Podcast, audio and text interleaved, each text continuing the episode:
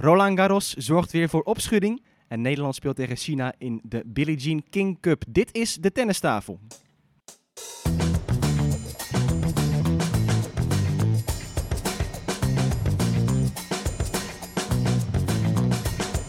Please take your seats quickly, ladies and gentlemen. Thank you.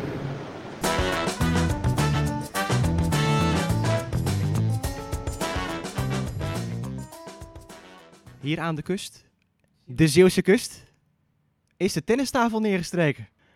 Om een podcast op te nemen. Ja jongens, Verdorie. we zitten in Middelburg. ja, het is niet te geloven. Ontdek je plekje. Hoe laat eh, ging de wekker bij jullie vanmorgen? Ja, extra vroeg. Voor mij was het al eh 2,5 uur rijden. Ik woon in Zandvoort. eh, andere kust. eh, Tweeënhalf plaatsje. uur rijden. Ja, Ja, van kust tot kust inderdaad voor jou. Ik sta er nu pas bij stil. Tennistafel op reis. David, jij uit ja, ik ook zoiets. Twee uur, vijf minuten of zo duurde het. nou ja, ik had het gevoel ik ga op vakantie. Ik had tassen mee, hè, drie dubbel checken of ik alle apparatuur mee had. En onderweg eh, sneeuwstormen doorstaan, hagelbuien, zon. Eh, Het is echt een gevoel van ik ga naar de wintersport, leek het wel. Ja, het is normaal de vakantieprovincie hier in, eh, in Zeeland. Voor de duidelijkheid, ik heb hier familie wonen in Middelburg, daarom dat we hier, eh, hier zijn. Stefan, jij gaf aan, nou, komen we een keer naar Zeeland toe op maandag. Eh, verbouwing thuis hè, bij jou, je kan het huis niet in. Ja, klopt. Ja. je moest het huis uit. Moest huis uit, dus ik, dan maar naar Zeeland. ja. Nee, ja, leuk om hier te zijn, absoluut. En eh, eens kijken waar jouw roots eh, liggen. En ja, joh, Nederland is 2,5 uur rijden. En ja, voor de Amerikanen is het peanuts. Ja, wat je zei, ook eh, sneeuw, hagel, eh, regen. Ik moest zelfs op een gegeven moment stoppen om mijn ruitenwisser eh, te repareren, want die kon het allemaal niet meer aan. Oh, Maar eenmaal aangekomen hier schijnt het zonnetje wel en we kijken uit over een ja, prachtige club. Ja, nee, dit is de club waar, waar de Challenger Zeeland jaren is gehouden. Hè? En ja, een van de internationale toernooien van Nederland toch hier werd gespeeld. Bestaat niet meer inmiddels, want ja, Stefan, jij weet het ook heel goed. Met je links met de bond, dat ehm, die kleinere toernooien het moeilijk hebben. En daar was dit evenement ook eh, onderdeel van. Maar ja, MLTC, het is eh, de enige club in Zeeland waar de kantine ook wordt verpacht. Dat eh, is ook iets waar ze trots op zijn. hier. maar het is een mooi clubhuis. Het is eh, verbouwd een aantal jaren geleden. We hebben echt nog, nog gravelbaantjes hiervoor liggen. We hebben kunstgrasbanen. We hebben padelbanen die er aankomen. Dat zijn ze ook mee akkoord. Nou, het clubhuis is echt wel bijzonder, vind ik. Allemaal glazen puien, dus we zitten echt prachtig uitzicht op alle banen. Ja, dat is echt geweldig.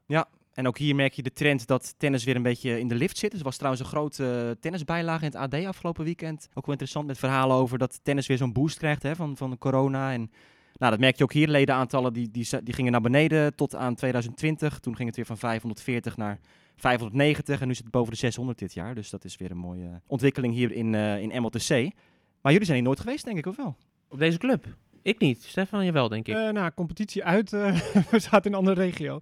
Nee, ik ben hier wel geweest dan voor de Challenger in, Ja, ja, eh, in ja. Zeeland. eh, een paar keer natuurlijk. Ja, en dan herken je het toch anders, weet je. Ja. Dan is het helemaal volgebouwd. Dus het was ook wel even zoeken. Ik eh, parkeerde aan de achterkant via een eh, voetgangerspad. Maar, Ja. eh, ja, de artiesteningang. weet ja, jij. ja, ja, Ja, ja, hij kwam in, ja, ja, het was echt ongelooflijk. Ja, het was netjes. Het Grote werd baas, grote baas die, eh, hè, inderdaad, we gaven het al aan. En, nou, ze rende gelijk naar buiten hoor, ze wilde die graag ontvangen hier. Dus eh trotse zeeuwen dat wij hier met de tennistafel komen aanschuiven. Ja, het was wel een warm welkom. Het was heel leuk dat we hier zijn. Dus Ja. ik bedoel, je hebt wel het gevoel van eh, de mensen misschien die vergeten worden of zo. Hè. Het draait niet alleen om de Randstad. Hè.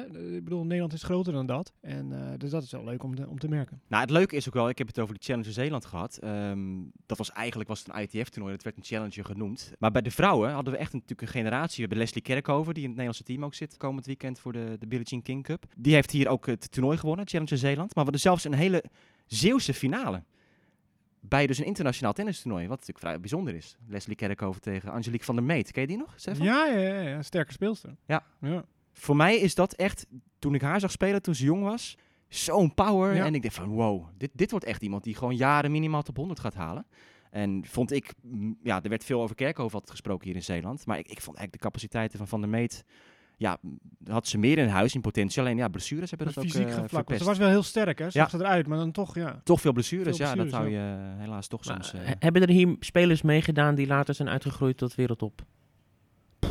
Weet je dat nog eh, zo uit je hoofd? Pera, Bernarda Pera heeft hij vaak gespeeld. Hm. Amerikaanse, die op de WTA nu eh, rond de 50, 60 staat, denk ik. Ja, zoiets. Ja, ze zijn er vast wel meer geweest. is Olaru, Roemeense schiet met de binnen. Die werd ik helemaal weggeblazen hier door Van der Meet. Nou, ja, die heeft het ook gewoon gehaald. Ja, dat is natuurlijk zonde, hè, want na Rosmalen hebben we bijna geen sterk of een WTA-toernooi of Nee. een ITF-toernooi voor vrouwen. Nee. Dus dat hebben we heel weinig in Nederland. En we hadden vorig jaar zou het in, op het NTC komen in eh, Amstelveen, maar door corona ging het niet door, 60.000. Dus eh, ja, Inderdaad. Hey, trouwens, ik, ik ben dus ook een Middelburger. Weet je hoe ze ons noemen, Middelburgers? Zuinig. nou, Wie ze? nuchtere, nuchtere Zeeuwen. Nou, de Middelburgers hebben, een, hebben een bijnaam. Ja. En er is altijd zo'n rivaliteit tussen Middelburgers en Vlissingers. Dat is een beetje Rotterdam, Amsterdam. Mid- Middelburg is de plek van stand. En Vlissingen is de arbeidersstad. En Middelburgers, dat zijn manenblussers. En zo- zo heet het toernooi hier ook altijd. Het manenblussers toernooi. Heel groot toernooi voor eh, ja, open categorieën allemaal.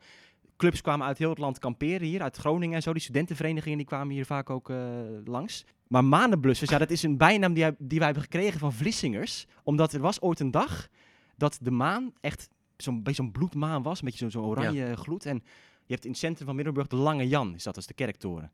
En die maan die, die stond een beetje zo achter, zo hoog boven die Lange Jan, precies daarboven. En de brandweer dacht, hé hey, verdorie, er is brand. Dus die, die, zijn, toen- die zijn toen uitgetrokken naar de Lange Jan. Maar dat bleek dus inderdaad gewoon dat het de maan was. Dus die Vlissingers hebben zich kapot gelachen daarom. En sindsdien zijn wij de manenblussers. En eh, ja, Snugger hoor. ja, het was Ja. ergens in de jaren 1800 zoveel hoor, dus het is heel lang geleden. Ja. Ehm, en, en Vlissingers, die hebben een, Vlissingen heeft een flesje in het stadssymbool om de een of andere reden. Want ze wilden hun ooit tot het christendom bekeren en dat had dan te maken met dat je dan eh, ja, zo'n flesje uitschonk of eh, wat dan ook, zo'n ritueel. Maar die Vlissingers wilden daar niet aan. Alleen de Middelburgers hebben toen maar dat aangegrepen om Vlissingers de bijnaam flessentrekkers eh, te geven. Een, be- een beetje denigrerend. naam. Dus we hebben flessentrekkers toernooi in Vlissingen Ja, ja. en de Manenblussers toernooi hier in Middelburg. Dat is wel een grappige link ook tussen de, de Zeeuwse cultuur en het tennis in dat Trouwens, ik, zie een flipperkast staan in de hoek. Ja. Maar Flipkens heeft toch meegedaan hier over toppers, eh, even. Over toppers gesproken? Flipper. Ja, Ja, ja, flipkast. nou, maar ja. ik vroeg het net en jullie hadden geen antwoord, dus ik geef zelf antwoord op mijn eigen vraag. Nou, ik vind het fijn dat jij eh, zo goed ingelezen bent. inderdaad. daar ga je. Dat- Nou, we zitten natuurlijk vlak bij de Belgische grens. Ja. Volgens mij was Antwerpen dichterbij dan waar ik nu zit. Ja, Zag ik op de kilometer tellen. ja, ja, inderdaad. Nee, Antwerpen is eigenlijk de dichtstbijzijnde grote stad ja, van, eh, van hier. Maar goed, laten we het hebben over, ehm, over de belangrijkere zaken van, eh, van de afgelopen week. Het gravelseizoen is begonnen. Charleston, natuurlijk groot toernooi waar eh ja, Demi Schuurs heeft gewonnen. Laten we dat eerst even benoemen, voordat we in de Roland Garros problematiek terechtkomen. Het is toch wel ongelooflijk waar Schuurs mee bezig is, als je dat op een rijtje zet. Halve finale Australian Open gehaald dit jaar, winst in Doha. Winst nu in Charleston, ook met verschillende partners hè, de laatste jaren gespeeld. Nu met Nicole Mellecar. Aantal jaren terug, Stefan, had jij dat zien aankomen? Dat Demi Schuurs zo goed zou worden in een dubbel? Ehm, nou, ze heeft natuurlijk wel een heel bijzonder spelletje. En met de juiste partner naast haar wel. Ze houdt echt veel, veel van het netspel. Ze heeft goede handjes. Ze heeft wat mindere service en zo. Dat ze alles maar naar voren wil. En een goede powerhouse naast je. Is een goede, ko- goede klik. En vooral met die Melker. Ik gun het haar zo. Want ze heeft een aantal jaar geleden... Ja, ging ze echt voor dat dubbelspel. Maar ze had geen partner. Ze heeft volgens mij wel honderd speelsters op een gegeven moment ge-sms of gewoon wat app. Wil je alsjeblieft met me spelen om een toernooi in te komen? En zo heeft ze zich helemaal opgewerkt. Ze staat nu randje top 10. En eh, dus ik gun het haar enorm. Ja. David, je hebt je Ja. ook vaak gesproken. Het is Ja, echt een hele, hele sympathieke, eh, open meid. Hè? Ja. Echt, echt. ja je zegt gesproken. Ik, ik moet meteen denken aan ehm, Australian Open, dat ik haar sprak. Voor het laatst misschien wel.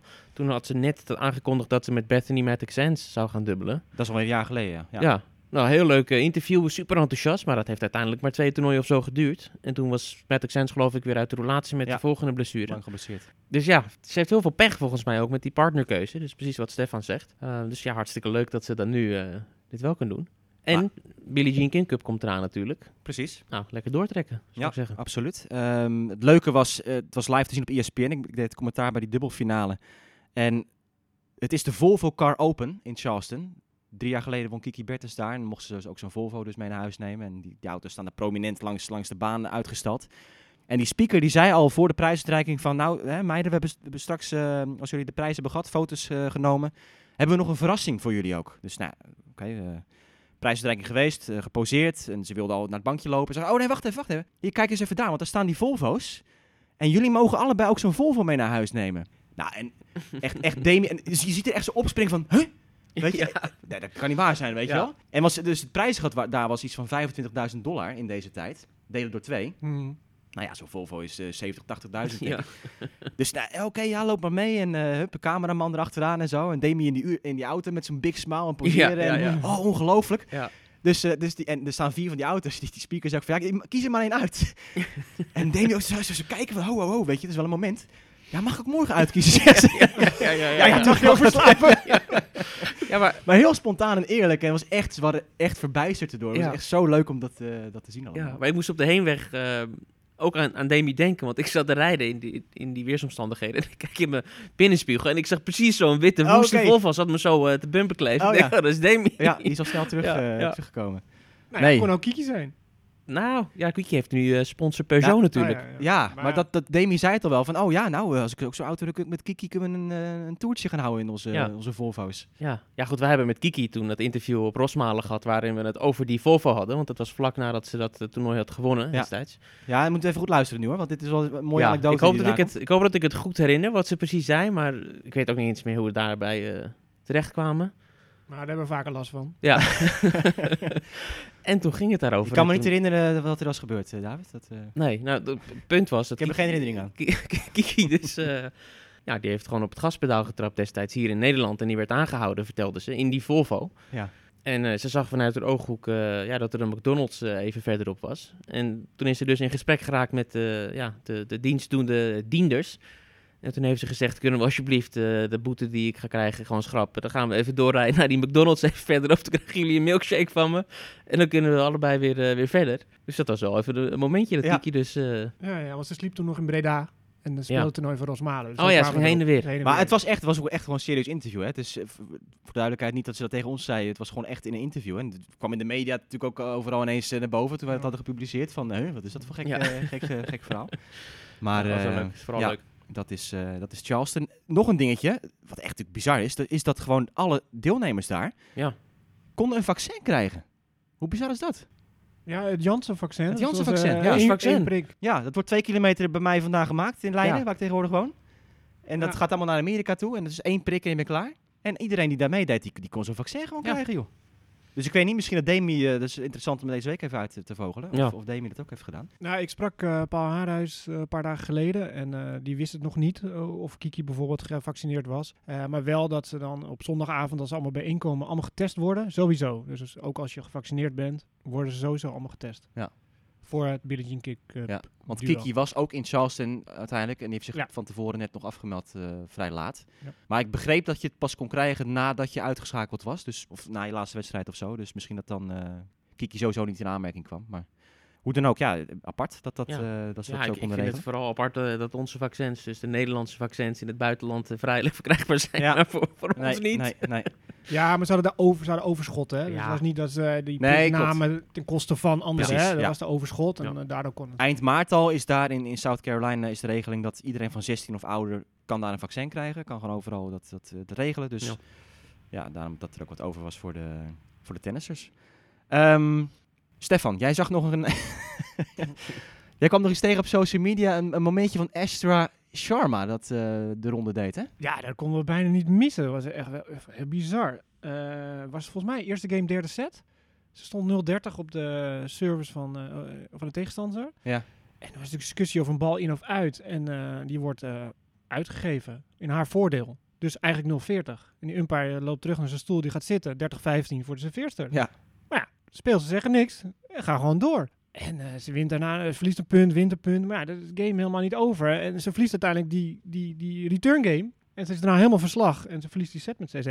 Maar ja, daarna natuurlijk wel discussie van... eh, ja, bij wie ligt die fout? Ligt die bij de umpire? Ligt die bij de speelsters? Want de speelster die serveerde, ik weet even niet wie dit was... die gaf ook niet toe van... eh, ik ben gebroken, eh, eerlijk... Dat eh, eh, onsportief ook wel. Die ging gewoon zitten van... eh, dankjewel. Ik, Ja. eh, dus ja, wat vinden jullie? Wie is er verantwoordelijk voor die score? Nou ja, de Umpire. umpire. ja. Maar het is natuurlijk Ja, wel... de correcte score. Maar zij, zij, heeft toen, ze heeft de referee erbij gehaald of zo, geloof ik. Hè? En ze zei van, eh, ja, want twee ballen vlogen over de baseline heen of zo. Dus ze probeerden dingen terug te halen. Maar ze wist het niet allemaal meer. Ja, Ja. die referee kan er ook niks eraan doen. eh. Nee, maar de, de later kreeg, kreeg zij een beetje de schuld in de schoenen geschoven door de autoriteiten, zeg Ja. maar. Ja, eh, je- had je maar beter op moeten letten of had je het maar beter moeten kunnen reconstrueren Ja. hoe de punten zijn gegaan. En dat kon ze niet. Dus Nee. ze dacht ze, ben ik nou gek, dacht ze bij zichzelf. Nou, ze zat het de hele set te malen. Ja, ze won geen game meer. Maar heb, he- heeft, heeft een van jullie wel eens met een umpire gespeeld of niet? Ja, ja. Ik heb, wel eens, eh, ik heb wel eens gehad, dat was wel grappig. Ik speelde de derde set tiebreak en eh, ik verloor gewoon zes punten op rij in de derde tiebreak. En die, die, die eh En umpire zegt- zegt 3-3. Jij denkt dankjewel. Ja, nee, nee, ja, precies. Oh. Nee, de umpire zegt eh, game set een match voor de tegenstander. Oh, ja, ja, Dat is, ja. eh, ben Spee, dat was de vader van Bente Spee, de Nederlandse kampioen bij de jeugd. En Ja. het was 6-0. maar Ben zegt tegen mij van, eh, ja, niks aan de hand, we spelen nog wel even een puntje door. Jij dacht, Ja, die marge is zo groot. ik kon hem niet meer omdraaien. Ja. Wel grappig. Eh, ja, dat gaat, gaat regelmatig mis met umpires op ons niveau. Precies. Maar niet op dat niveau waar je een elektronisch scorebord waar hij het intikt en zo. Dat, dat kan gewoon niet. Ja, ik heb ook één keer, één keer de finale gespeeld met een umpire. En ik, ik, ik weet nog zo goed, ik sla vol een ace op gravel. Vol een ace door het midden op de lijn.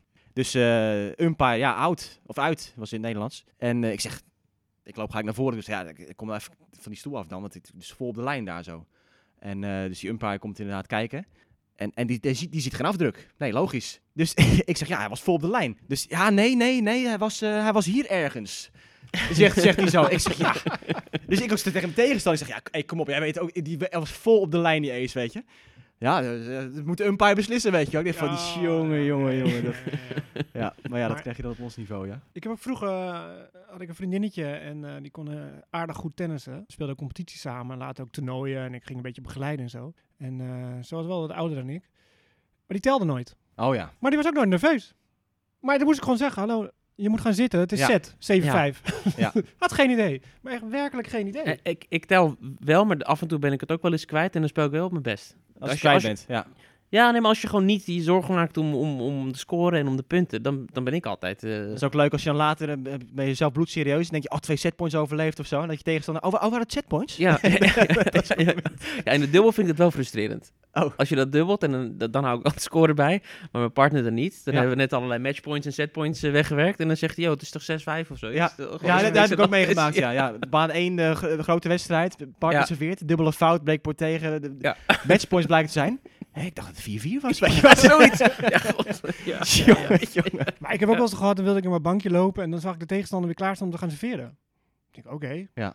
ik heb de game nog niet verloren, kennelijk. Ik ga maar weer terug. Maar dat voelt dan toch niet lekker. Voor Ja, dat- ja, precies. Als je, als je een soort voordeel eh, in Ja. je schoenen geschoven Ja. krijgt. Ja, ja, hangt een beetje van het moment af wat je doet. Nee, nee. Dat, eh, ik, ik benadeel mezelf meer dan dat ik, zeg maar, ook met bal in of uit of zo, dan dat ik het eh neem Het, was trouwens de eerste week dat er eh, elektronische lijncalling was hè, op gravel. Dat was wel uniek. Ja, Het ik, haalt wel de charme weg, vind ik. Ja, vind ik ook. Het, het Fox 10 systeem, dat is dat systeem anders dan Hawkeye, waar je echt dus de echte stuit ziet van de bal. Dus er zijn ook meer camera's op de baan, om dat dan dus echt ja, bij te houden. Hawkeye is altijd een projectie. En dat is een heel verhaal voor wie het niet weet. Jarenlang wordt er al gezegd van waarom komt er geen Hawkeye op gravel? Eh, nou, dat, dat kon niet, omdat Hawkeye is niet betrouwbaar op gravel. Want gravel is een baan Ja. ja, het is niet effen. Hè? De baan verandert steeds van structuur, wordt dan ook gewoon eh, officieel gezegd. En dat is voor Hawkeye heel lastig om dan die, die, die marges, die foutmarge die ze hebben, om dat eh, klein genoeg te houden. Dus, en Fox 10 kan dat wel. Nou ja, het, het pakt er best goed uit, volgens mij, daar in Charleston. Ik heb niemand gezien die daar echt een afdruk zag van, ja, hoe kan dat nou? Hier is die afdruk en... Ja, maar dat is toch het leuke juist. Die umpire, die Ja, komt vind ik ook. Ik vind in het echt drafje, probeert zo snel mogelijk dat trappetje. En dan denk ik Ja. al, oh, Ja. als hij maar niet valt. En dan charme, rent hij eh, naar naartoe en dan, en dan een discussie. valt. Ja, en dan een discussie over dat punt, over, de, over die afdruk. Eens, helemaal mee En eens. dat vind ik het leuke van, ook wel van een gravel. Maar laten we het even over het hoofdthema hebben van deze week. Want het is natuurlijk weer gebeurd. Roland Garros heeft er weer ehm, een eigen plan getrokken. Nu wel iets meer in overleg, geloof ik, met alle betrokken partijen. In tegenstelling tot vorig jaar. Toen ze in één keer zeiden: Jongens, wij gaan naar het najaar. Zoek het maar uit verder. Eén week schuift het op. Waarom? Waarom gaan we één week later beginnen aan Roland Garros?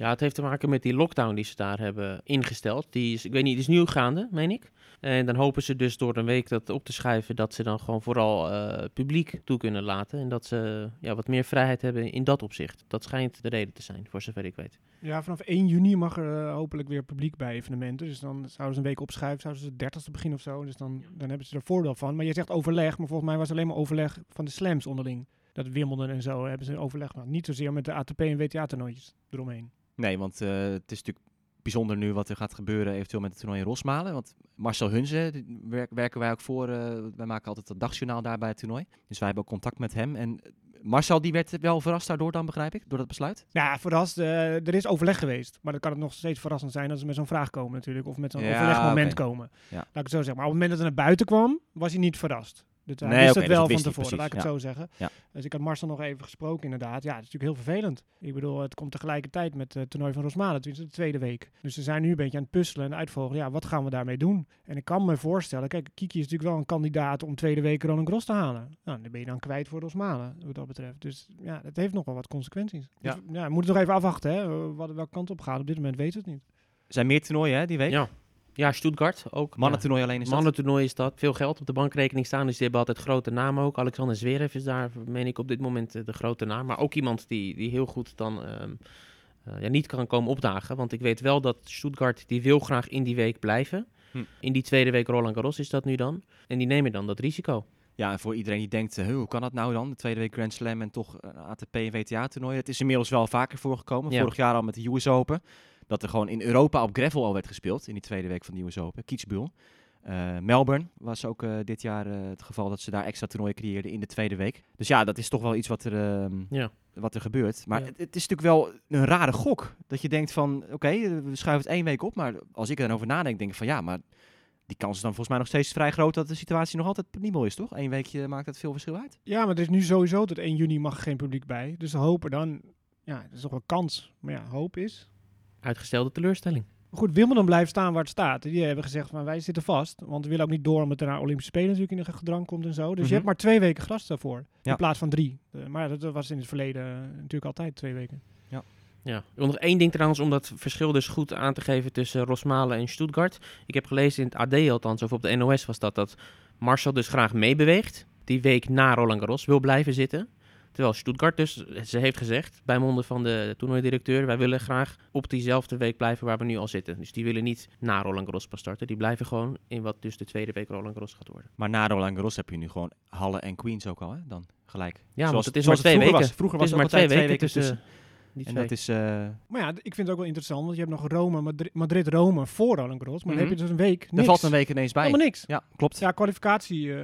Eh, maar ja, normaal maar- heb je daar maar gewoon nog geen een toernooi. toernooi. niks. Dus dat is eh, Nee. eh, televisie op zwart. Ja, ja. Ja. ja, dat is ook afwachten ja, of dat nog eh, gevuld gaat worden En die wat week. gaat het doen voor Roger Federer? Kan niet zoveel spelen. die heeft Ja, Halle is zo nog niet bekend wat hij allemaal wil. en Maar hij gaat staat doen. ingeschreven in Madrid. En Halle. Ja, maar dat is volgens mij meer dat de standaard... Standaard ben je ingeschreven voor die toernooien, altijd. ja, Ja, de ook? Masters. iedereen is standaard ingeschreven. hè. Je moet wel natuurlijk wel zeggen, ik kom niet. Oké. Dus, ja, sterker eh, nog, als je geen Masters speelt, moet je een boete betalen. Maar hij toch niet? Federer niet. Federer heeft uitzondering. Ja. Omdat hij... eh, Oud is en wedstrijden gespeeld. Opa. En, eh, Ja. ja. Je hebt drie uitzonderingsregels, maar daar, daar gaan we allemaal niet op in deze week. We gaan wel eh, beginnen aan het gravelseizoen wat de mannen betreft. In Monte Carlo, ja, dat is... Ik weet niet hoe dat voor jullie is. Voor mij is het altijd zo'n moment in het jaar. Ah, Monte Carlo begint. Hè, je refereert het ook aan je eigen voorjaar. Het, het gravelseizoen hier in, in, in je eigen land begint. Ehm, warme gevoelens erbij. Maar dit jaar, ja, dit jaar is natuurlijk vreemd. Toch? ja, sowieso dat, dat eh, gezicht is natuurlijk in Monte Carlo altijd wat eh, eruit springt. Het mooiste misschien wel het toernooi op de Tour. Eh, nu zonder publiek, zo aan de kust daar. Eh, ik heb gezien hoe het eruit ziet. Het ziet er nog steeds ja, niet verkeerd uit. Nou, het, het apart is dat ze wel tribunes hebben neergezet. Ja, Ze hebben tribunes neergezet, Maar maar met zo'n groot, groot eroverheen. eroverheen. En ehm, Rolex. Ja, en ik, sta, ik begrijp wel waarom ze het hebben gedaan. Want ja, anders heb je natuurlijk echt gewoon, net als hier bij MLTC, dan heb je gewoon vier gravelbaantjes naast elkaar Ja. liggen. Dat is een beetje raar voor televisie Ja. dat je dat op zo'n manier eh, ziet. Dus, dus dat begrijp ik wel. Alleen de korte zijde, daar zou je nu eigenlijk die prachtige zee op de achtergrond hebben. Hè? Met, dat, met het huis van Karl Lagerfeld, geloof ik, dat daar op die hoek staat. Maar daar hebben ze ook nog een tribunetje neergezet. Ik dacht van, nou, als ze dat nou niet hadden gedaan, had je wel een mooie... Ja, misschien voor de wind. eh, gehad. Om de wind een beetje tegen te houden. Zeewind. Ik weet niet. Monte Carlo is een toptoernooi, maar een aantal jaar geleden nu al hebben ze die status een beetje veranderd. To- Toen heeft het wel een beetje aan prestige ingeleverd. Dat het een soort vrijwillige Masters werd. Hè? Normaal gesproken Ja, was een compromis. ja, moet je meedoen aan een Masters toernooi. En Monte Carlo heeft nu een soort status apart waarin je ja, toch zelf mag kiezen en dat je zonder gevolgen dat kan gewoon ze kan wilden de status afnemen. En toen Ja. is er een enorm protest gekomen. En, ehm, Door de spelers. door de spelers om dat tegen te houden. Dus toen hebben ze gezegd van nou, we houden het als masterstatus, maar je hoeft niet per se te spelen. In tegenstelling tot de andere masters toernooien. Ehm, ja, jij bent er nooit geweest, David, of wel? Nee, ja, Nee. ik ben wel in Monte Carlo een aantal keer geweest, maar niet naar Ja. het toernooi. Nee, ik ben wel bij het toernooi geweest. En het is, het is ook wel eigenlijk niet meer van deze tijd. Hoe klein dat park is, Ja. dat is wel eh, even een dingetje. Het is super historisch en zo allemaal. Ja. Centercourt is mooi, maar daarbuiten is het al dat je denkt baan 2... ja, als je dan denkt aan Indian Wells, Miami met die stadions er nog Ja. bij en zo. Dat, eh, dat is wel een groot verschil. Maar het wordt wel, de deelnemersveld dit jaar is natuurlijk super sterk. Ja, iedereen is Want we gaan weer kijken naar en Nadal en Djokovic. Djokovic weer terug naar zijn, eh zijn eh, ja, blessuregeval waar hij toch Ja. mee wist te winnen in Melbourne. Nadal naar zijn rugblessure. Eh, hoe fit zullen ze allebei zijn? Dat is toch wel het verhaal van deze week. Vind je? Ik vind een andere Nadal is volgens mij het verhaal van deze week. Ja, daar komen we ook op. Buiten de baan. ja. Tony Teasertje, teasertje. Laten we eerst even ja. bij de actieve Nadal Ja, blijven. Nee, maar en, en het gaat uitwijzen wat bijvoorbeeld zo'n Miami, wat we hebben gezien, wat gewonnen werd door eh Hubert uh, Hurkacz. Of dat echt gewoon een soort van lange termijn iets gaat zijn, of dat het een, een incident is. Want nu zijn de grote jongens er weer. Eh, Nadal op gravel is er natuurlijk weer. Djokovic die dat ook al eh, één, twee, drie keer gewonnen inmiddels. paar keer heeft hij wel gewonnen. Een paar keer gewonnen. Of ze weer orde op zaken gaan stellen. Ja. En ik vond trouwens wel, wel leuk, ik weet niet of jullie die quote van eh Sonego hebben gehoord. Ja. Sonego, nee. Ja, was, was gewoon een leuke quote. Hij won het toernooi van Sardinië? Sardinië. En er werd hem gewoon gevraagd naar het toernooi spelen zonder dat die grote jongens erbij zijn. En, en hij vergeleek het met, hè, als, je, als je een huisfeest mag houden en je ouders die zijn er niet. Weet je? dat je gewoon los kan gaan. Weet je, dat vond ik wel nog wel een mooie vergelijking. Vind ik eigenlijk meer een Fognini quote. Maar eh Ja, ja, is ook... ja. eh, ja. Nee, maar zonder meer. Dat is zeker wel waar we naar uitkijken natuurlijk. Grote jongens weer. Nadal is als derde geplaatst in Monte Carlo. Hij heeft elf keer gewonnen. Medvedev is als tweede geplaatst. Ja, David zit de hele tijd met een big smile, want hij wil die quote vertellen. Dus eh, kom maar, David. Ja, de Medvedev moest er zelf ook eh, met een big smile naar kijken. Want hij zei, ik heb een hekel aan het gravel. Alles is eh, kloten. De bal stuit het niet goed. De sokken worden vies. Vreselijk. En die Nadal, die, eh, die heeft elf keer dat toernooi gewonnen. En die, eh, die staat onder mij. Dat vind ik wel grappig. Hij heeft nog nooit op een wedstrijd op Roland Garros gewonnen, toch? Nee. Nee, maar wel in Monte Carlo. heeft hij- ja, ja. Ja. Hè? Djokovic verslagen en, en Ja? Tsitsipas of zo, geloof ik. Hij had een paar goede zegens. Ja. Hij had de halve finale toen gehaald in, eh, Ja. in Monte Carlo. ja, hoe weet hij zelf ook niet? Ja. Maar dat dus, ja. En ehm, buiten de baan, andere Nadal, Stefan? Oom Tony is weer uh, onko nou, onkort, ja, op de trainingsbaan eh, met Felix Auger Aliassime aan de slag. Nou, dat is natuurlijk geweldig, vind ik dat. Om, om, Ja, eh, verrassend. ja, goed voor tennis. En niet zozeer verrassend dat Tony eh, hem adviseert, want dat kan natuurlijk. Want eh, Tony Nadal die runt ook die academy op Mallorca, waar uh, Ogier Aliassime wel eens is geweest. Ja, er komen vaak spelers trainen? Ja, op die Eh, ik ben er ook met geweest, Nadal. twee Oh, jaar ja. geleden. Ja. Ik, dacht, ik heb een uur met Tony Medal eh, Ja. mogen zitten. ja. En eh, echt een nuchtere, relaxed eh, tennis-minded helemaal. Is een en al tennis. Eh ambachtsman.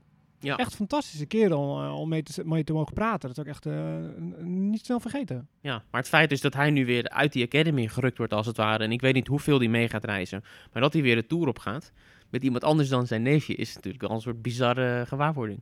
Maar het past ook wel, denk ik. Want eh Auger Aliassime is toch wel qua mentaliteit een soort van Nadal, vind ik. Bescheiden, Mhm. eh, respectvol, hard werken, leergierig. Dat is ook precies waarom, precies waarom, waarom hij- met hem wil werken. Hè? Juist, en daarom is die match. Ik denk dat er geen waarom enkele Tony andere speler... wil werken, bedoel ik. Ja, Dat is echt, het, precies. begint met de persoon. Ja. En de kernwaarden van de persoon moeten, moeten goed zijn. En Ja. eh, dat past binnen het plaatje. En Want dat hamerde oom Tony, zeg maar, ook in het interview wat ik toen met hem had, weet je. Zelf de baan slepen, zelf je records doen. Hij Ja. zei, ik heb nog nooit eh, een record voor de Rafael Nadal naar de bespanner gedragen. Dat, dat soort dingen gewoon normaal doen, gewoon zelf doen. Het, Ja, af en toe slaat hij wel een beetje door erin. Ik kan me nog zo'n frase uit die autobiografie van Nadal herinneren. Waarin ze dan op de boulevard of zo liepen met z'n drieën. En dat Nadal dan in het midden liep. Tony ging dan los van, eh, wie denk je dan wel dat je bent dat je in het midden loopt? Aan de zijkant lopen. Af en toe... eh, Nou, Abel loopt ook wel bij ons in het midden. ja, ja, ja, jij had de artiesteningang. oh ja. Dus, eh, ik wou net zeggen, jij moet ja. je mond houden vandaag, Stefan. Ik weet niet, maar eh, wij staan gewoon netjes op de parkeerplaats. Maar als Auger Aliassime tegen Rafael Nadal moet spelen, dan is het oom Tony er niet bij. Nee, maar dat zou ook wel erg raar zijn natuurlijk. Hè? Hoe is zijn Engels trouwens? Eh, Niet geweldig, Net zo goed volgens als dit voor mij. Ja. dus het was een interessant Maar voor de duidelijkheid, de, de, die, die Frederik Fontang, hè, die blijft gewoon de hoofdcoach van, van Felix. En Tony komt daarbij. Wordt komisch om dat te zien, ja. Hoe staan ze in het schema? Kunnen ze elkaar treffen? Eh, Vroeg althans, ze nee, kunnen niet elkaar vroeg, altijd vroeg, treffen. volgens mij. Niet nee, ja. Ja, wel leuk. Nog één ding trouwens over Monte Carlo, als Ja. dat nog even kan. Ze hebben die bubbel daar enigszins verlicht. Dus er zijn heel veel spelers die wonen in Monte Carlo. Djokovic, Medvedev, Dimitrov, ik. Zverev, ja. Dus die mogen nu voor het eerst in die hele coronaperiode gewoon in eigen woning verblijven. Niet in het spelershotel per se. Dus dat is nog wel een ontwikkeling ook. Deze week eh, verder natuurlijk ehm, ja, Nederland tegen China. Het gaat eindelijk gebeuren. Zou vorig jaar al gespeeld worden. Wedstrijd in de toenmalige Fed Cup. Tegenwoordig heet dat de Billie Jean King Cup. Jullie gaan erheen, hè? Ja. Komend weekend. Zeker weten. Ja, we gaan, daar- jij gaat in de bubbel, David. Ik mag Den graag weer reizen. Maaspoort weer. Bekende locatie voor het team. Ja. ja, ik ben wel benieuwd. Want je hebt een verschillende tiers, zoals het dan heet. Stefan, jij bent de gewone media, dat is tier 3. Ik ben aan tier 2. Dat geeft me iets meer eh, toegang of zoiets. Ik, ik ben benieuwd wat dat eh, gaat zijn. Want ook ik moet de persconferenties via Zoom volgen. Eh, maar ik, ik mag niet zeg maar uit de hotel- en venue-bubbel. Ehm, ja, ik ben vooral benieuwd naar de, naar de wedstrijden. Want Nederland met Kiki is natuurlijk een beetje onzeker hoe eh, Kiki ervoor staat. Of ze kan spelen. Ja, want weten jullie meer erover? Want eh, ze heeft zich afgemeld voor Charleston. Maar Ja, het is allemaal nog een beetje grijs gebied, hè? ik heb Of- wel helemaal niks meer gehoord. Eh, nee, toen ik Paul Haarhuis sprak was vrijdag. Toen was hij wel in nauw overleg met Elise Tamela. En eh, ja, goed, ze meldt zich gewoon natuurlijk. En eh, ik zag dat ze wel aan het trainen was in Etteleur. Met trouwens hele mooie Wilson Roland Garros racket. Die vond ik echt Ja, schitterend. die zijn gaaf, hè? Oh, die dat, zijn zijn mooi, die blades. dat zijn die blades. Ja, die, die zijn eh, mooi. spe- special edition. Dat hadden ze vorig jaar ook Ja. al. Dit jaar hebben ze weer een andere uitvoering. Ja. Ehm, maar ja, ik sprak Paul ook van, eh, is Nederland nou favoriet tegen China? En eh, nou ja, een beetje diplomatiek natuurlijk. Maar hij zegt, nou ja, onze nummer 1 speelster, als dat Kiki is, is beter dan hun nummer 1. En hun nummer 2 is misschien iets beter dan onze nummer 2. Dan houden we het dubbelspel over en dat kan 50-50 worden zijn. Ja, maar die Chinezen die raken ook weinig de laatste tijd. Ja, en op gravel. En op gravel. Maar ook gewoon als je puur naar de resultaten kijkt van die Chinese speelsters. Want wie zit er nu in dat team allemaal voor China? Eh, ik heb hier de lijst voor mijn neus. China, eh Shuai Zhang, Sai Sai Zheng, Wang Wang Zhu. Welke wang? En welke wang? Linkerwang, rechterwang? Wang en Jin Yu. Oh ja. Dat zijn twee Ja, verschillende dat is niet te namen. geloven. Maar ik kan de, twee, twee bijna identieke namen. X-I-Y-U en X-Y... X-I-Y-N-U. Ja, Ja. en de coach is Yang. Ja. Ehm, Donald Young. Yang... God. nee, maar de... de- Yang, Zhang, Wang, Zheng. Daar komt het op neer. Ja, nou de rankings is misschien wel even relevant voor eh, de context. Eh, nummer 41 en nummer 49 van de wereld. En als we dan naar Nederland kijken, hebben we Kiki op nummer 10 en Rus op eh 83. Ja, maar wel twee Ja, gravel. Rus op. afgelopen week. Het is al balen, hè? Die was nummer drie geplaatst in, eh, in Bogota. Nou, had ze echt gewoon een toernooi kunnen winnen. Nou, niet op het niveau wat ze hadden liet zien. Nee, maar gewoon qua, qua deelnemersveld. Ja, Oh ja. zeker. Maar het moeilijk ze- tennissen daar hoor. Ja, oké, 2500, maar daar eh, heeft iedereen last meter van, hoogte. toch? Niet als je er woont. Nee. Want zij won het toernooi. Ja. Colombiaanse. Osorio wildcard. Fantastisch verhaal. Serrano, Ja, 19 dat is jaar. echt, echt een fantastisch verhaal. En we, we hadden dat matchpoint ook van haar eh, gisteren op ESPN. En emoties, eh, die, eh, die, ja, Ja. Het kwam, alles kwam eruit. En ze had nog nooit een WTA-wedstrijd gewonnen. Eh, nooit van de top 100 speelsters gewonnen die week. Ja, die pakte de titel, 19 jaar oud. 19 jaar, wildcard. Zonder setverlies naar de finale. En in Ja, de finale maar- drie set. Niet de totaal onbekende, voormalig US Open uh, junioren Ja, oké. Ja, leuk. Ik Leuk hoorde ook dat eh, de persconferentie daar 50 minuten duurde Ja. of zo. Dat ze dus zoveel te vertellen had allemaal. Ja. Dus dat was een mooie... Maar ik denk dat Nederland toch favoriet is tegen China op gravel. Ja, Alanska en Kiki zijn natuurlijk echt gravel speelsters. Ja, en de Ja. Chinezen niet. Chinezen dat is niet. absoluut, Ja, eh, is absoluut voor- wel, eh, Maar nog één ding over Rus. Ik zag die, die service. Wat is daar nou aan de hand?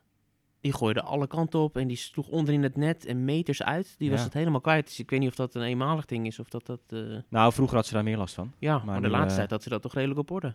Ja. De laatste jaren. Ja. Typisch. Ehm, we hebben nog niet gezegd dat in Charleston eh, Veronica Kudermetova het toernooi heeft gewonnen. Die was wel goed trouwens hoor. Zo. Tegen, tegen Stevens in de Ja. kwartfinale. Stevens ook weer, eh, weer, weer beter geworden. Ja, Kudermetova, ze is de Russische nummer 1 nu. Ja, ja het Want ik zat, nog, ik zat nog uit te zoeken als je natuurlijk nu... We hebben het allemaal over het Russische mannentennis. En bij de vrouwen eh Is het een beetje minder nu? Kudermetova en Alexandrova. Dat is ook niet echt een, een uithangbord.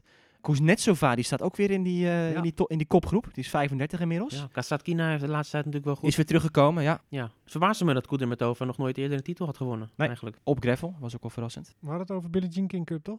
Ja, waren we uitgesproken over, toch? Heb je nog wat... eh, Heb je nog, eh, nog meer te melden? Nee, het is een playoff duel.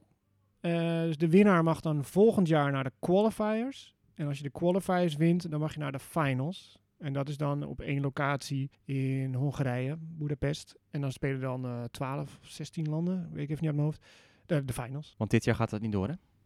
Vorig jaar ook niet. Nee. Dus, eh, Dat zou in april zijn. Ja, En dat is anders dan bij de mannen.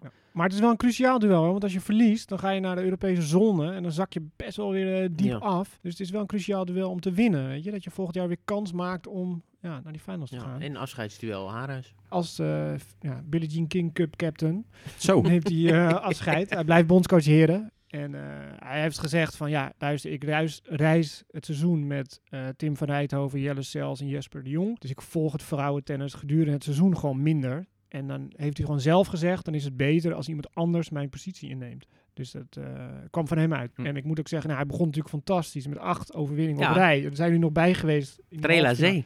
Maar halve finale in Frankrijk. Maar de laatste drie jaar heeft, hebben ze niks meer gewonnen. Dus eh, ja. verdient een mooi afscheid. Nou ja, dus de winst is, het zou leuk zijn voor het afscheidsfeestje van Paal. Maar ook cruciaal om eh, ja, op niveau te blijven waar je zit. Ik zei het al, het is anders dan bij de mannen, die opzet van de Billie Jean King Cup. David, je had precies voordat we Ja. het opnameknopje indrukten, kreeg je nog een mailtje binnen van de ITF en zei je, hey, we hebben nieuws. Ja, dus ik weet niet de details precies, maar het, het gaat dus gehouden worden, de finals, eh, niet op één locatie. Davis Cup. Davis Cup, ehm, niet in Madrid, maar in Madrid, Innsbruck en Turijn. Dus drie speelsteden ineens. En ik zag dat ook al eh, heel snel dat die pools al ingedeeld zijn. Dus welke landen in welke pools eh, op welke locatie gaan spelen. Het is ook wel Dus, een soap, eh, hè? Twee jaar geleden, ja. toen voor het eerst dat hadden ze dat bedacht. Die finale week in, in, op één plek, Madrid. Was je bij, Stefan, hè? Met Ne- Nederland zat er toen bij nog. Wacht, was, was eigenlijk niet IJskoud, geloof ik. IJskoud. Die- De Kaga Magica, Ja. de magische doos ja, van ik ken het van het voorjaarstoernooi in Ja, Madrid. Dat is altijd mij was geweldig het, daar. was het november. Ja. En het is helemaal open. Ja, de, de baan niet waar we gespeeld worden, in die hal niet. Maar de rest, alles eromheen is gewoon aan beide kanten open. Er kwam een tocht vandaan. Ja. Dat is niet normaal. En, eh, Ja, en ik, ik meen ook dat die opzet eh, enorm verliesgevend is gebleken ook. Ze hebben tientallen miljoenen daar verloren vorig jaar. Onder de leiding van Gerard Piqué, de, de. Barcelona-voetballer. En die hele club die erachter zit. Nou, het was ook moeilijk met, eh, met toeschouwers. Je speelde dan drie grote hallen. En Nederland speelde toen in de, kleine hal tegen Groot-Brittannië en Kazachstan. Ja, er kon bijna geen publiek in of zo. Dus het- ja, ga je dan de hele wereld over reizen om daar naar je team Nou, aan dat te hoopten ze. Hè? Dat, ze ze, zeiden van ja, dat, dat gaan, daar gaan we wel vanuit ja. hoor. Daar komen mensen wel op af. Goed, het Maar, moet misschien nog groeien. Hè? Ik bedoel, het weer staat ook niet mee. Ja, het was een beetje lastig allemaal. Maar het grote probleem was ook, daarom dat er nu op drie locaties wordt gespeeld, is dat, die, Tijd. dat die tijden, die twee, Ja. drie uur s'nachts, uh, Ja. bijna Oh, ja. elke dag. Het was echt waanzin. Helemaal uit de hand, Ja. ja. Want ik weet nog dat uh, dat stadionnetje waar Nederland speelde, dat liep e- enorm uit. En uh, de Belgische fans die stonden gewoon buiten te vernikkelen. Die Oh ja, ook dat nog, want het kaartjes baan- alleen voor die wedstrijd. Ja, je mag alleen maar dat... dat dat die niet. stonden dan daar buiten te vernikkelen, joh. En eh, Jongen, jongen. duurde maar, het duurde maar. Ja, dat Ja. is... eh, Twee singles en één dubbel. Dat Ja. was die nieuwe Ja, opzet. zoals eh, Roger Federer het zei, eh, volgens mij willen voetballers ook niet dat wij de Champions League als tennissers gaan organiseren. nee, dat is, eh, dat is de Davis Cup. Nou, het was het denk ik hè, voor deze week. Hebben we nog Ja. nieuws gemist? Ongetwijfeld. Sonego heeft het toernooi trouwens gewonnen in Sardinië. Carreño Busta en Marbella. Even om voor de volledigheid alle, alle toernooien nog even af te vinken. Maar dat Ja. zijn dus kleinere toernooien. En het gaat, gaat echt losbarsten nu vanaf, eh, vanaf deze week bij de mannen in, eh, in Monte Carlo. En in Middelburg. Het gaat los nu, hè, jongens? Nou, hey, het is wel leuk. Hè? We kwamen hier aan en eh zonnetje is doorgebroken. Ze zijn eh, met de banen bezig. Met het eh, tractortje rijden ze over de banen heen om het gravel eh, lekker eh, Ik weet niet of dit heel handig te is. prepareren. drie minuten geleden werd daar nog eh, vers zand, eh, een ga- gaatje Nee, gevuld met, met een gietje eroverheen. En nu staat er al meneer Ja, eh, dat is, te eh, tennissen. zo, Dat doe kan. je dat. zo doe je dat hier. Twee eh, oude lefties, zie je dat? Ja, Ja, mooi man. Grijze, grijze snor.